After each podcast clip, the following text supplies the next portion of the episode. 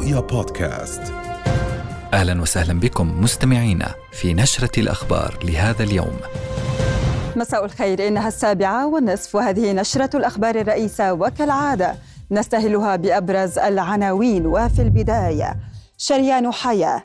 الأردن يحذر من عواقب تعليق دعم الأونروا وفي عنواننا التالي بارقة أمل.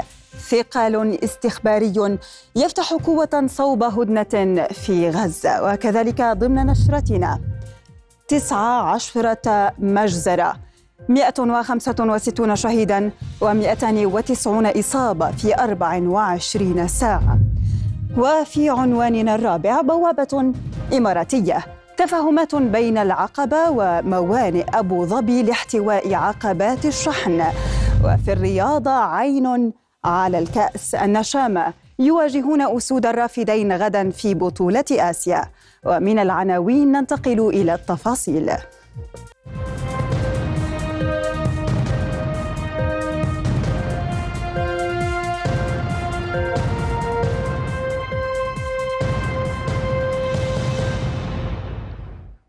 أهلا بكم. حث رئيس الدبلوماسية الأردنية الدول الغربية التي علقت تمويل وكالة الأونروا بالرجوع عن قرارها وحذر من قطع شريان الحياة لأكثر من مليوني فلسطيني يواجهون الجوع في قطاع غزة. نائب رئيس الوزراء وزير الخارجية وشؤون المغتربين أيمن الصفدي أكد خلال اتصال هاتفي مع المفوض العام لوكالة الأمم المتحدة لإغاثة وتشغيل اللاجئين الفلسطينيين فيليب لازاريني أن أونروا تقوم بدور لا يمكن الاستغناء عنه في إيصال المساعدات الإنسانية لغزة. وحث الصفدي ولازاريني الدول التي أعلنت تعليق دعمها لأونروا على العودة عن قرارها. لضمان قدرة الوكالة على تقديم خدماتها الحيوية لازاريني أشار إلى أن التحقيق الذي يجريه مكتب خدمة الرقابة الداخلية في الأمم المتحدة سيعمل على إثبات الحقائق وأن مراجعة مستقلة من خبراء خارجيين ستساعد أونروا على تعزيز إطار عملها لضمان التزام جميع موظفيها الكامل بالمبادئ الإنسانية. انضمت فرنسا اليوم لمجموعة الدول التي أعلنت تعليق تمويلها لوكالة أونروا إثر المزاعم الإسرائيلية عن مشاركة بعض موظفي الوكالة في أحداث السابع من أكتوبر الماضي. مزاعم الاحتلال تأتي تعبيرا عن موقفه العام من الوكالة ومساعيه منذ سنوات لإنهاء عمل الأونروا لما يشكله وجودها من ضرر معنوي على الاحتلال ومستقبل الصراع مع الفلسطينيين. أداة ابتزاز أخرى تستخدمها حكومة الاحتلال لتعميق معاناة الفلسطينيين خاصة الغزيين في ظل حرب لم تضع أوزارها منذ قرابة أربعة أشهر. هو التحريض على وكالة غوث وتشغيل اللاجئين الأونروا بزعم أن بعض موظفيها في غزة شاركوا في أحداث السابع من أكتوبر. ونتيجة هذا التحريض أوقفت دول من بينها أمريكا وبريطانيا تمويلها للوكالة. ما يعني أن مليوني غزي لن يحصلوا جميعا على مساعدات الأونروا من الآن فصاعدا؟ هناك تحريضا على كل المنظمات آه، يعني الدولية الحكومية التابعة للأمم المتحدة بل أن هناك تحريضا على الأمين العام للأمم المتحدة وأيضا على الأمم المتحدة بحد آه، ذاتها. هذا التحريض له علاقة في بعد في في بعد سياسي وبعد قانوني، البعد السياسي أن هناك لاجئين ما زالوا ينتظرون حق تقرير المصير وبالتالي إقامة دولة فلسطينية مستقلة وعودة اللاجئين والحق الحق القانوني أن هناك قرارات صادرة عن الشرعية الدولية في مقدمتها الجمعية العامة للأمم المتحدة.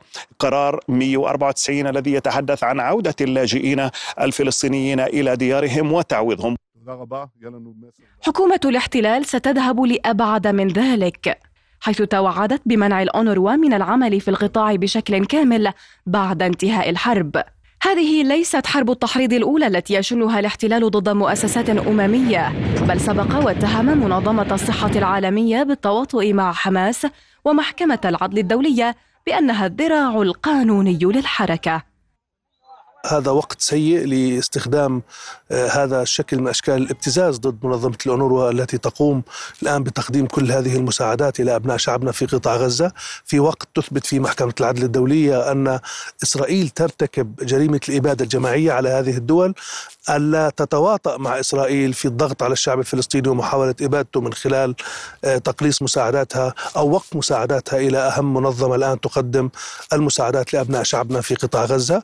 وألا تنتظر حتى انتهاء التحقيقات حتى في آه، في داخل منظمة الأونروا عندما أعلن المفوض العام أنه يجري تحقيقات وأن الأمين العام يجري تحقيقات للأمم المتحده بمعنى تسرعت هذه الدول ووافقت على الرواية الكاذبة التي تضخ إسرائيل منذ السابع من أكتوبر إلى اليوم وهم بدل من أن يأخذوا بما قالت به المحكمة أن إسرائيل ترتكب جرائم إبادة ذهبوا باتجاه قبول الرواية الكاذبة الإسرائيلية والانحياز معها. تمول عدة دول وكالة الغوث إلا أن التمويل الأضخم يأتي من دول الاتحاد الأوروبي ما يعني أنه إذا انساقت مزيد منها خلف الادعاءات الصهيونية ستصبح عاجزة تماما أمام تلبية أدنى احتياجات اللاجئين في غزة الذين يواجهون صنوف الموت كافة أليس هذا على الأقل دليلا كافيا ليثبت الإبادة الجماعية؟ من رام الله المحتلة أسيل سليمان رؤيا وباعتبارهم المتأثر الأول من وقف تمويل الأونروا أعرب عدد من الغزيين عن استيائهم من هذه الخطوة متوقعين عواقب كارثية خلال الأيام المقبلة.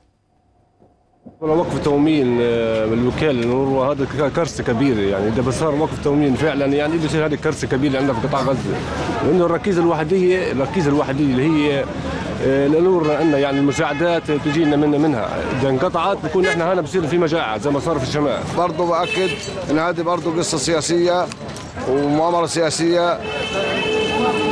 نفس النهج القديم لتصفيه الانروا وتصفيه قضية اللاجئين. والله صراحة طبعا أنا متخوفة لأنه آه، إحنا باقيين على مساعدات الوكالة لحد الآن. شعبنا صراحة ما في أي حد بدعمه إلا الوكالة والدول اللي اللي يعني بتتعاون وبتساعد إنها تدعمنا، ولكن إذا الوكالة وقفت دعمها لنا صراحة شعبنا في ضياع، شعبنا يعني ينتظر الموت لحظة بلحظة لأنه حاليا هي بتدعمهم هم آه، آه، في معاناة وجوع. فما بالك لما يقطعوا يعني خلاص ما إلنا إلا رب العالمين يعني وسط تكتم كبير حول انطلاقه ومدته. تشهد باريس اليوم اجتماعا رباعيا لبحث سبل تحريك ملف صفقة تبادل الأسرى مقابل اتفاق هدنة مدتها شهرين في قطاع غزة. وتجرى المحادثات بين أطراف أربعة. مدير وكالة الاستخبارات المركزية الأمريكية CIA ويليام بيرنز ومسؤولين كبار من مصر وقطر وإسرائيل. وفي وقت سابق وصف البيت الأبيض هذه المحادثات بمحاولة لتعبيد الطريق أمام اتفاق من أجل وقف المعارك بقطاع غزة والتوصل لهدنة مقابل الإفراج عن المحتجزين بالإضافة لبحث فيما بعد الحرب. وتشير تصريحات أحد مستشاري البيت الأبيض بالأمس إلى أن سقف التوقعات لهذه المحادثات ليس عاليا واستبعد صدور إعلان وشيك بنجاحها. وكانت حماس وإسرائيل قد أبرمتا هدنة بينهما لستة أيام بدأت في الرابع والعشرين من نوفمبر تشرين الثاني الجاري. في اليوم الرابع عشر بعد المئة للحرب الوحشية على غزة يعيد جيش الاحتلال استنساخ جرائمه في شمال القطاع بجنوبه عبر محاصرة المدنيين والنازحين في مراكز اللجوء والمشافي واستهدافهم وسط غارات جوية متواصلة وقصف مدفعي عنيف. وأعلنت وزارة صحة غزة بارتفاع عدد الشهداء إلى 26422 شهيدا و65087 مصابا. فيما ارتكب الاحتلال 19 مجزرة في القطاع. راح ضحيتها 165 شهيدا و290 مصابا خلال 24 ساعة. من جانبه أفاد الهلال الأحمر بنفاد مخزون الأكسجين في مستشفى الأمل في خان يونس بسبب استمرار حصار الاحتلال محذرا من خطورة عدم تمكن الأطباء من إجراء العمليات الجراحية في المستشفى. وتوغلت دبابات جيش الاحتلال شرق حي الفخاري وأطلقت قذائف في محيط المستشفى الأوروبي وخيام النازحين بحسب وسائل إعلام فلسطينية. أما الآن ينضم إلينا من رفح جنوب القطاع مراسلنا غازي العلول أرحب بك غازي غازي هل لك أن توجز لنا مجمل المستجدات الميدانية في غزة حتى الساعة؟ نعم تحية لك رفاه. خلال هذا اليوم شهدنا في كل المناطق عمليا في قطاع غزة استهدافات طالت مناطق متفرقة أبرز هذه الاستهدافات ما شهدته مدينة غزة بالتحديد في منطقة الشيخ رضوان كذلك حي النصر منطقة تل الهوى. هذه المناطق تعرضت لغارات متعددة وعنيفة طوال هذا اليوم. أيضا المحافظات الوسطى تشهد اشتباكات عنيفة في مناطقها الشرقية بالتحديد منطقة المغازي كذلك منطقة البريج إلى الشرق منها. أيضا خان يونس هي أبرز مناطق الصراع والقتال المفتوح بين المقاومة الفلسطينية وجيش الاحتلال المتوغل في محاور عدة أبرزها المحور الغربي هناك حيث أعلن عن عملية عسكرية برية وأجبر المواطنين في هذه المناطق على الخروج والنزوح نحو مدينة رفح من خلال بوابات ومخاصيم مر فيها الناس نحو هذه نحو أقصى الجنوب التحديد في رفح. أما هنا في رفح بالفعل أيضا رصدنا استهدافات متعددة طوال ساعات الليلة الماضية اليوم الطائرات الحربية وطائرات الاستطلاع حلقت على مستويات منخفضة وبطبيعة الحال هذا جهد استخباراتي ينذر باستهدافات ربما ستكون خلال الساعات المقبلة. هذا ما عهدناه من خلال الاحتلال الذي عندما تحلق طائراته التجسسية على مستويات منخفضة فإنه يكون عمليا يبحث عن أهداف جديدة متعلقة بالمنطقة التي تحلق فيها الطائرات. هذه الطائرات اليوم حلقت على مستويات غريبة للغاية منخفضة جدا في مدينة رفح. يمكن أيضا رصد حالة من الأوضاع الإنسانية السيئة بالنسبة للفلسطينيين مع هذا المنخفض الجوي المتنامي والذي بالفعل أغرق خيام النازحين في منطقة المواصي. هناك كانت ظروفهم الإنسانية صعبة نعم مراسلنا غازي العلول لك منا جزيل الشكر. ومع احتدام المعارك وقوات الاحتلال على امتداد القطاع تخوض سرايا القدس اشتباكات ضارية مع جنود الاحتلال في محاور حي الأمل والمعسكر وعبسان الكبيرة بخان يونس جنوبي قطاع غزة. وقصفت السرايا بقذائف الهاون جنود وآليات الاحتلال في منطقة تل الهوى جنوب غربي مدينة غزة وسط القطاع. كما أعلنت سرايا القدس استهداف ثلاث آليات عسكرية إسرائيلية بقذائف آر بي جي في حي الأمل وجورة العقاد غرب خان يونس.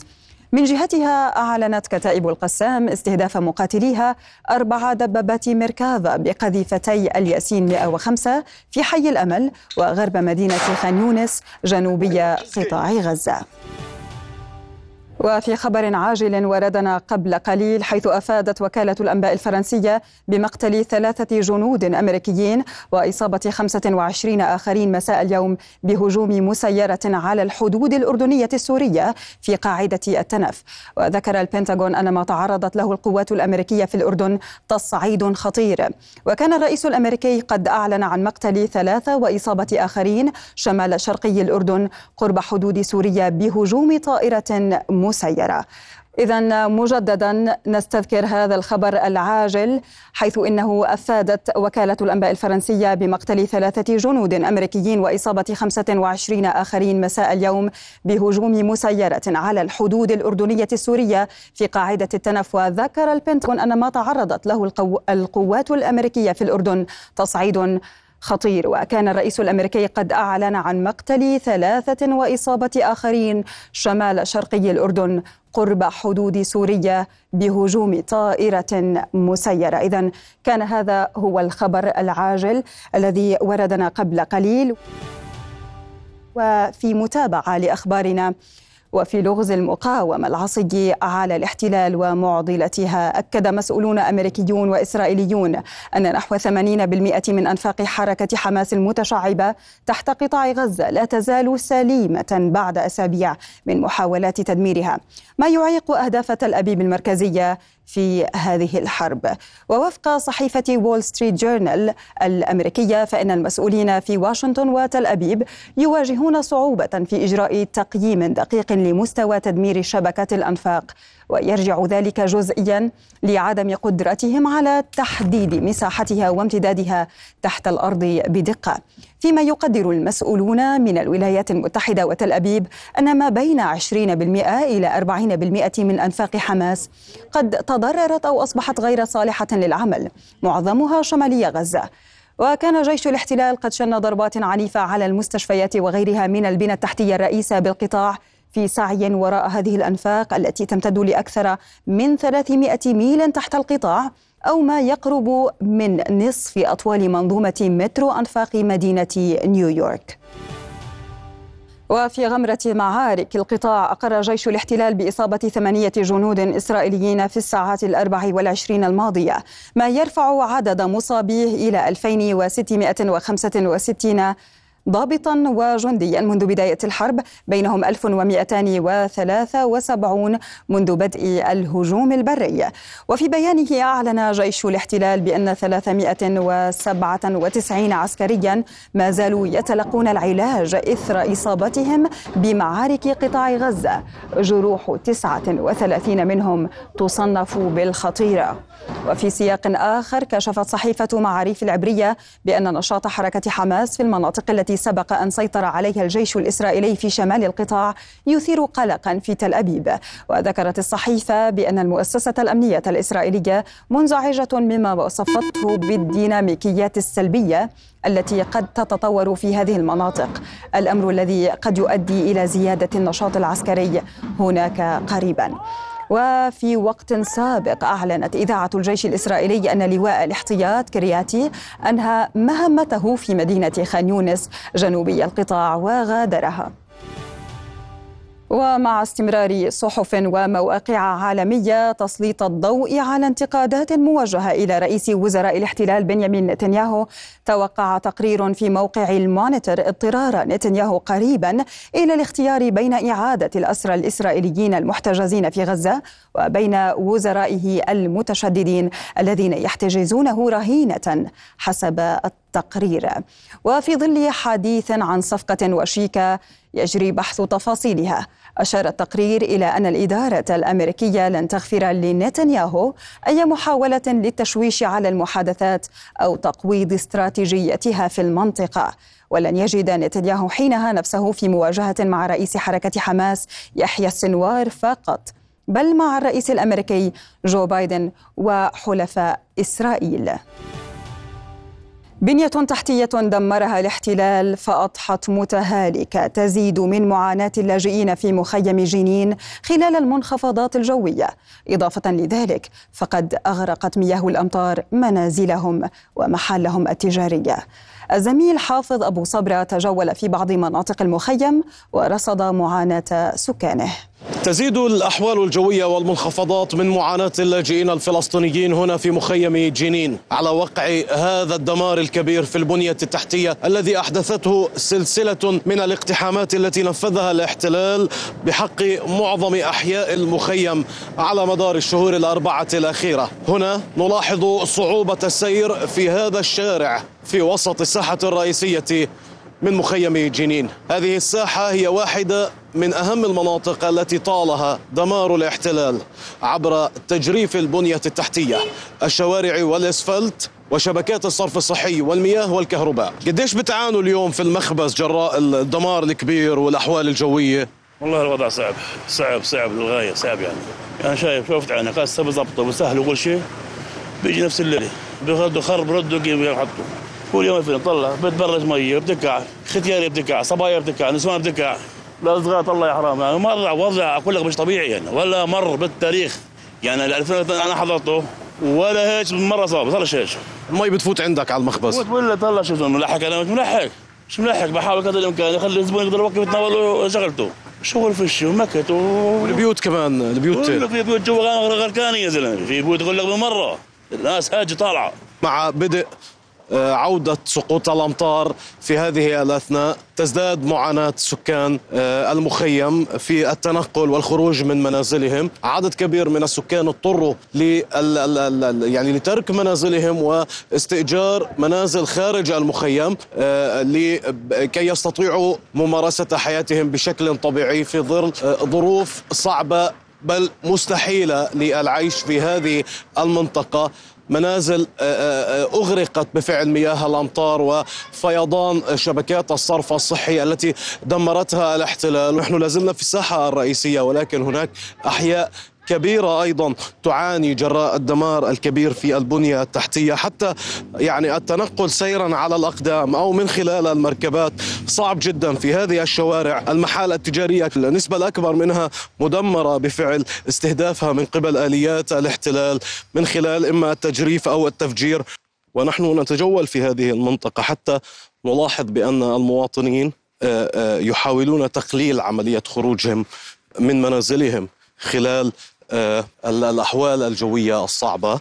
مرحبا كيف الوضع بالمخيم مع الشتاء والمطر؟ يعني الشوارع خربانات بحفروا كل ما يفوتوا بحفروا بخربوا. هسه إحنا نمرق منين نمرق شتاء مطر تراب وكل شيء يعني كل ما يفوت الجيش لازم يخربوا المخيم. هذا هو الحال في مخيم جنين بنية تحتية مدمرة بشكل كامل صعوبة في ممارسة اللاجئين لحياتهم اليومية وشوارع تغرقها مياه الأمطار من مخيم جنين شمال الضفة الغربية المحتلة حافظ أبو صبرة رؤية. على الحدود اللبنانية الفلسطينية تبقى السخونة سمة الميدان إذ استهدفت غارات إسرائيلية جبل بلاط ومحيط بلدتي مروحين وعيت الشعب جنوبي لبنان. في حين أعلن حزب الله استهدافه بالصواريخ جنودا إسرائيليين في موقع تل الشعر والجليل الأعلى محققا إصابات مباشرة. وفي وقت سابق أعلن الحزب استهدافه بالصواريخ جنودا في ثكنة راميم ومحيطها وحقق فيها إصابات مباشرة. كما استهدف آخرين شرقي موقع بركة ريشة جنوبي لبنان. هذا وكان طيران الاحتلال شن غارتين على بلدتي زبقين وحولة جنوبي لبنان دون ورود أنباء فورية عن سقوط قتلى أو جرحى. وأفادت مراسلة رؤيا في لبنان في وقت مبكر من هذا اليوم بأن الطيران الحربي الإسرائيلي حلق على علو منخفض فوق العاصمة بيروت. إذا مشاهدينا نذكر مجددا بهذا الخبر العاجل إذ أفادت وكالة الأنباء الفرنسية بمقتل ثلاثة جنود أمريكيين وإصابة 25 آخرين مساء اليوم بهجوم مسيرة على الحدود الأردنية السورية في قاعدة التنف. وذكر البنتاغون أن ما تعرضت له القوات الأمريكية في الأردن تصعيد خطير. وكان الرئيس الأمريكي قد أعلن عن مقتل ثلاثة وإصابة آخرين شمال شرقي الأردن قرب حدود سوريا بهجوم طائرة مسيرة. وافاد مصدر حكومي بأن الهجوم الذي استهدف القاعده قرب الحدود السورية لم يقع داخل الأردن. أكد وزير الخارجية السعودية فيصل بن فرحان على أولوية وقف القتال في قطاع غزة وإدخال المساعدات إلى القطاع. وأضاف في مؤتمر صحفي مع نظيره المصري سامح شكري في القاهرة اليوم أن بلاده تحرص على التنسيق المشترك مع مصر بشأن قضايا المنطقة مشددا على رفض العقاب الجماعي للشعب الفلسطيني.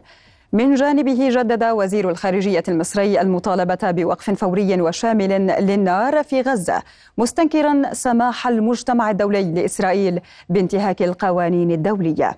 وشدد شكري على ضرورة السماح للأمم المتحدة بإدخال المعدات اللازمة لمساعدة سكان القطاع مندهشا من قرارات بعض الدول بشأن وقف تمويل الأونروا.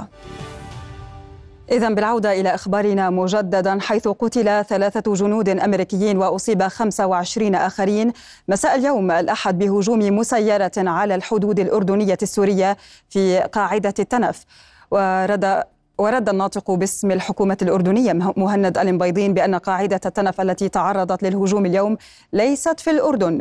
من جانبه توعد الرئيس الأمريكي جو بايدن بمحاسبة جميع المسؤولين عن الهجوم في الوقت المناسب وبالطريقة التي تختارها الولايات المتحدة. وقال إن الهجوم على القوات الأمريكية الذي أسفر عن مقتل ثلاثة عسكريين نفذته جماعات متشددة مدعومة من إيران تعمل بسوريا والعراق. أما الآن ينضم إلينا عبر الهاتف الدكتور جواد العناني نائب رئيس الوزراء الأسبق. أرحب بك دكتور جواد. إذا بناء على هذا الخبر العاجل من المؤكد أنه لنا أن نسألك كيف تعلق على هذا الخبر وما هي مآلاته برأيك؟ أه، باعتقادي أنا أن حدودنا الشمالية أصبحت الآن حامية إلى درجة عالية جدا يعني لا يكفي فقط أنه التركيز على محاربة التهريب الذي يجري خاصة في مادتي المخدرات والسلاح والآن أيضا استهداف القاعدة الأمريكية داخل الأردن يعني لا تستطيع الأردن أن تتنصر منه أو تعتبره حدثا عاديا. وفي نفس الوقت فإن القاعدة أمريكية طبعا تقع تحت الولاية الأمريكية من حيث آه، حمايتها ومن حيث تصديها للهجومات التي تحصل عليها. آه، آه، من هنا كان صاحب الجلالة يتكلم باستمرار عن ضرورة إيقاف حالة الحرب وعدم السماح بتوسعها. لأنه في نهاية الأمر ستطال كل الجهات المعنية سواء الراغبة في القتال من غير الراغبة ولذلك أنا أعتقد هذا الحدث يعني سيشكل حالة معينة تستدعي اهتماما سياسيا عاليا من قبل الأردن ومحاولات في عدم التصعيد حتى لا تحصل هنالك حرب بين يعني الجهات التي تهاجم القواعد الأمريكية من ناحية ويقال ان ويتهموا الأمريكان بأن ايران وراءها كلها. وأن نقول بأن نسمح بهذه الحالة أن تستمر لأنه في هذا أيضا تهديد للأمن الأردني الداخلي. آه، ولذلك نحن يعني يجب أن نتحرك نخاطب جميع الأطراف المعنية كي تتوقف عن استخدام الأراضي الأردنية لأي غرض من الأغراض. العسكرية لأنه هؤلاء سواء كان الناس يقبلون بهم أم لا يقبلون هم جنود موجودون داخل الأردن وباتفاق مع الحكومة الأردنية. ومع الجهات الأردنية المعنية ولذلك في تقديري أنا إنه الاعتداء الشكل أيضا آه، اعتداء على الأراضي الأردنية. دكتور جواد في حديثك قلت بأن هذه القاعدة داخل الأردن وبالمقابل المتحدث باسم الحكومة الدكتور مهند المبيضين قال بأنها خارج الأردن وهنا نتساءل ومن خلال خبرتك واطلاعك على الأمور كيف سيكون الخطاب الأمريكي وما هو الموقف المتوقع للأردن وكذلك الموقف الأمريكي؟ هي خارج الولاية الأردنية وليست خارج السياده الاردنيه. يعني يجب أن نميز بين هذين الامرين وأعتقد هذا ما قصده معالي وزير الاعلام. آه لكن آه في رأيي أنا أنه طبعا التهديدات يعني جاء الرد الأمريكي فورا. يعتبرون هذا جزءا من العمليات الموجهه ضد القوات الأمريكية. وطبعا ضدها يعني وأمريكا يجب أن تعرف أنه وكان يتحدث حتى الرئيس بايدن قبل قليل عن موضوع آخر. وهو أن استمرار الحرب سيعرض القوات الأمريكية آه، إلى حالة آه، هجومات غير متوقعة مثل ما يحصل مثلا على السفن الأمريكية المارة في البحر الأحمر أو مثل ما يحصل على هجومات على قواعد أمريكية في داخل سوريا وفي داخل العراق. آه، لذلك إحنا الأردن لا يريد أن ينأى بنفسه عن هذه الأمور كلها. ومن هنا فأنا بعتقد انه يجب الحديث فورا مع الإدارة الأمريكية لأنه يعني آه، يجب إنه الحل الأساسي والوحيد والعذر الذي يستخدمه الجميع في الوقت الحالي هو ما نراه من بشاعة الهجوم الإسرائيلي ومن القتل والتدمير الذي يجري في قطاع غزة. على هذه الحرب الظالمة أن تتوقف بسرعة حتى لا تتسع الحرب وتتسع ويبدو أن الذي يرغب في توسيعها الآن هم الجهات التي آه، يعني يرون في هذا فرصة لمضايقة الأمريكان والقواعد الأمريكية وأيضا لضرب آه، يعني لضرب هذه القوات. آه، يعني إذا ادخلوا أمريكا إلى المعركه الحقيقة هذا سيوسع آثارها وتكون آثارها مدمرة على الجميع ونرجو إنه يعني يتم التوصل إلى حلول معقولة ويتم إسكات المدافع وإحلال ووضع السيوف في المحاريث كما يقولون والبدء في حديث جاد عن عملية سلام حقيقية في هذه المنطقة. نعم دكتور جواد العناني أدام الله الأردن آمنا وسالما ولك منا جزيل الشكر نائب رئيس الوزراء الأسبق الدكتور جواد العناني. ننتقل إلى أخبار الاقتصاد مع حمدان عايش. مساء الخير حمدان. مساء الخير رفا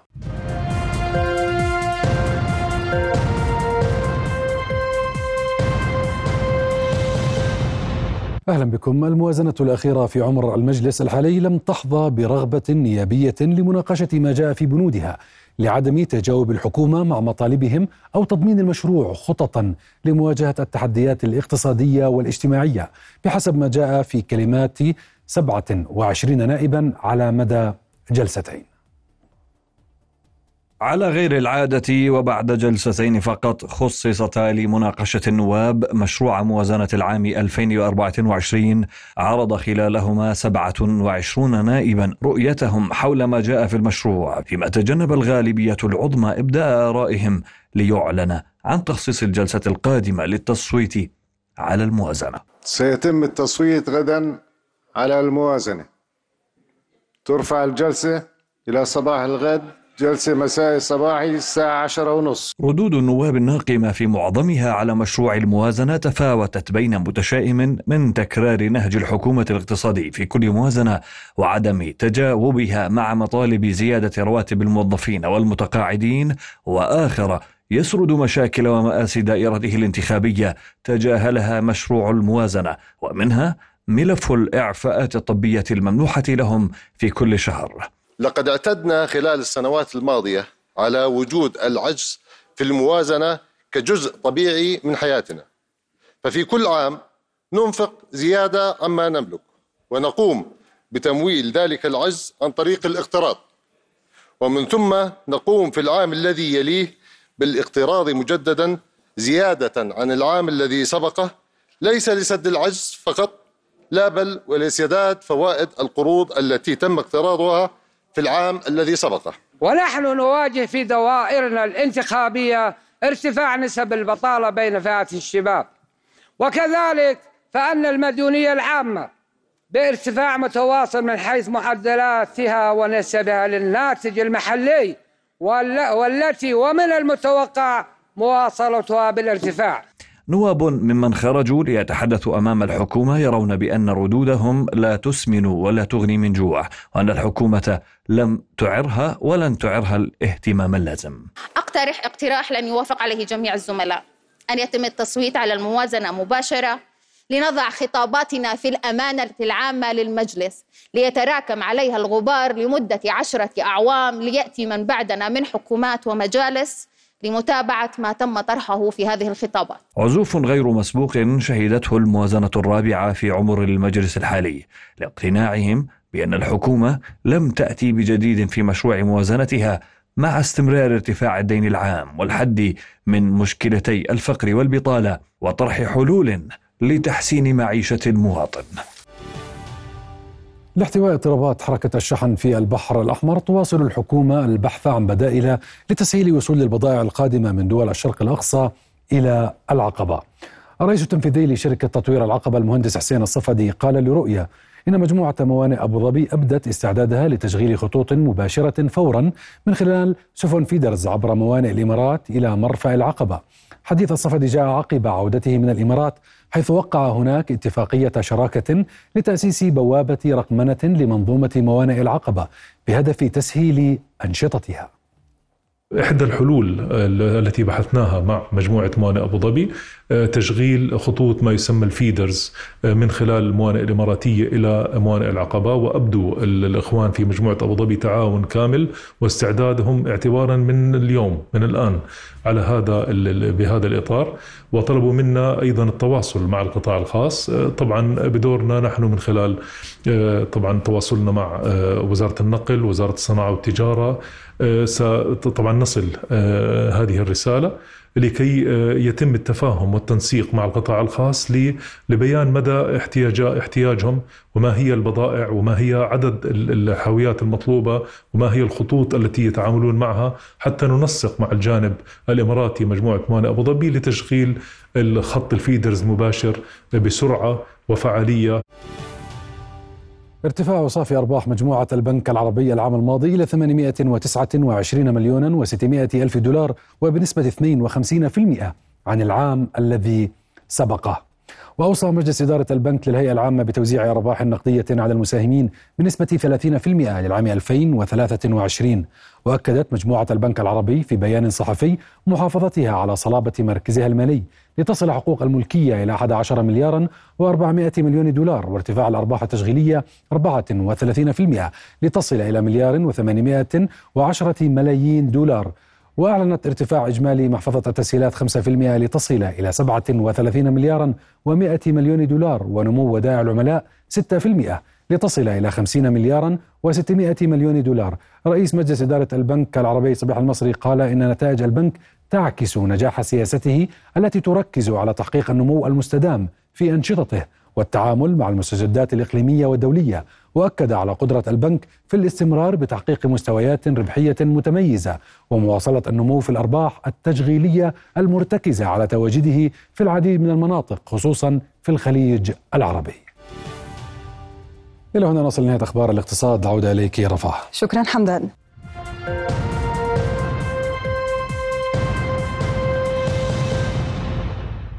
أهلا بكم من جديد. على الساحة الرياضية يخوض المنتخب الوطني يوم غد مباراة الدوري ثمن النهائي من كأس آسيا لعام 2023 أمام نظيره العراقي.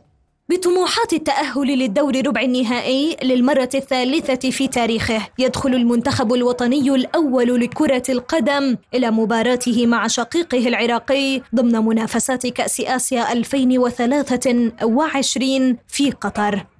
المواجهة التي سيحتضنها استاد خليفة الدولي ستحمل الكثير من الحماس والترقب في ظل المستويات الرائعة التي قدمها المنتخبان في دور المجموعات بالإضافة للدعم الجماهيري الكبير اللذان يحظيان به. ويسعى النشامة لتحقيق الفوز خصوصا وأن قائمة المدرب المغربي الحسين عموتة عامرة بالأسماء المميزة ولن تشهد غياب أي لاعب باستثناء المصاب نور الروابده وسيكون زملاء موسى التعمري مطالبين بتقديم مستويات توازي العروض التي أسعدت الجماهير في مباراتي كوريا وماليزيا إلا أن الخصم العراقي يبدو صعبا ومدججا بالنجوم وفي مقدمتهم هداف البطولة البطولة أيمن حسين الذي سجل خمسة أهداف في ثلاث مباريات مما يتطلب الحذر والتوازن للتحليق نحو دور الثمانية. وكان المنتخب الوطني قد أنهى مباريات المجموعة الخامسة بالمركز الثالث بأربع نقاط من فوز وتعادل وخسارة بعد أن سجل ستة أهداف واستقبلت شباكه ثلاثة أهداف فيما انتزع المنتخب العراقي صدارة المجموعة الرابعة من ثلاثة انتصارات.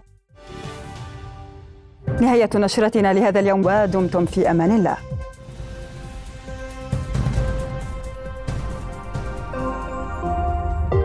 رؤيا بودكاست.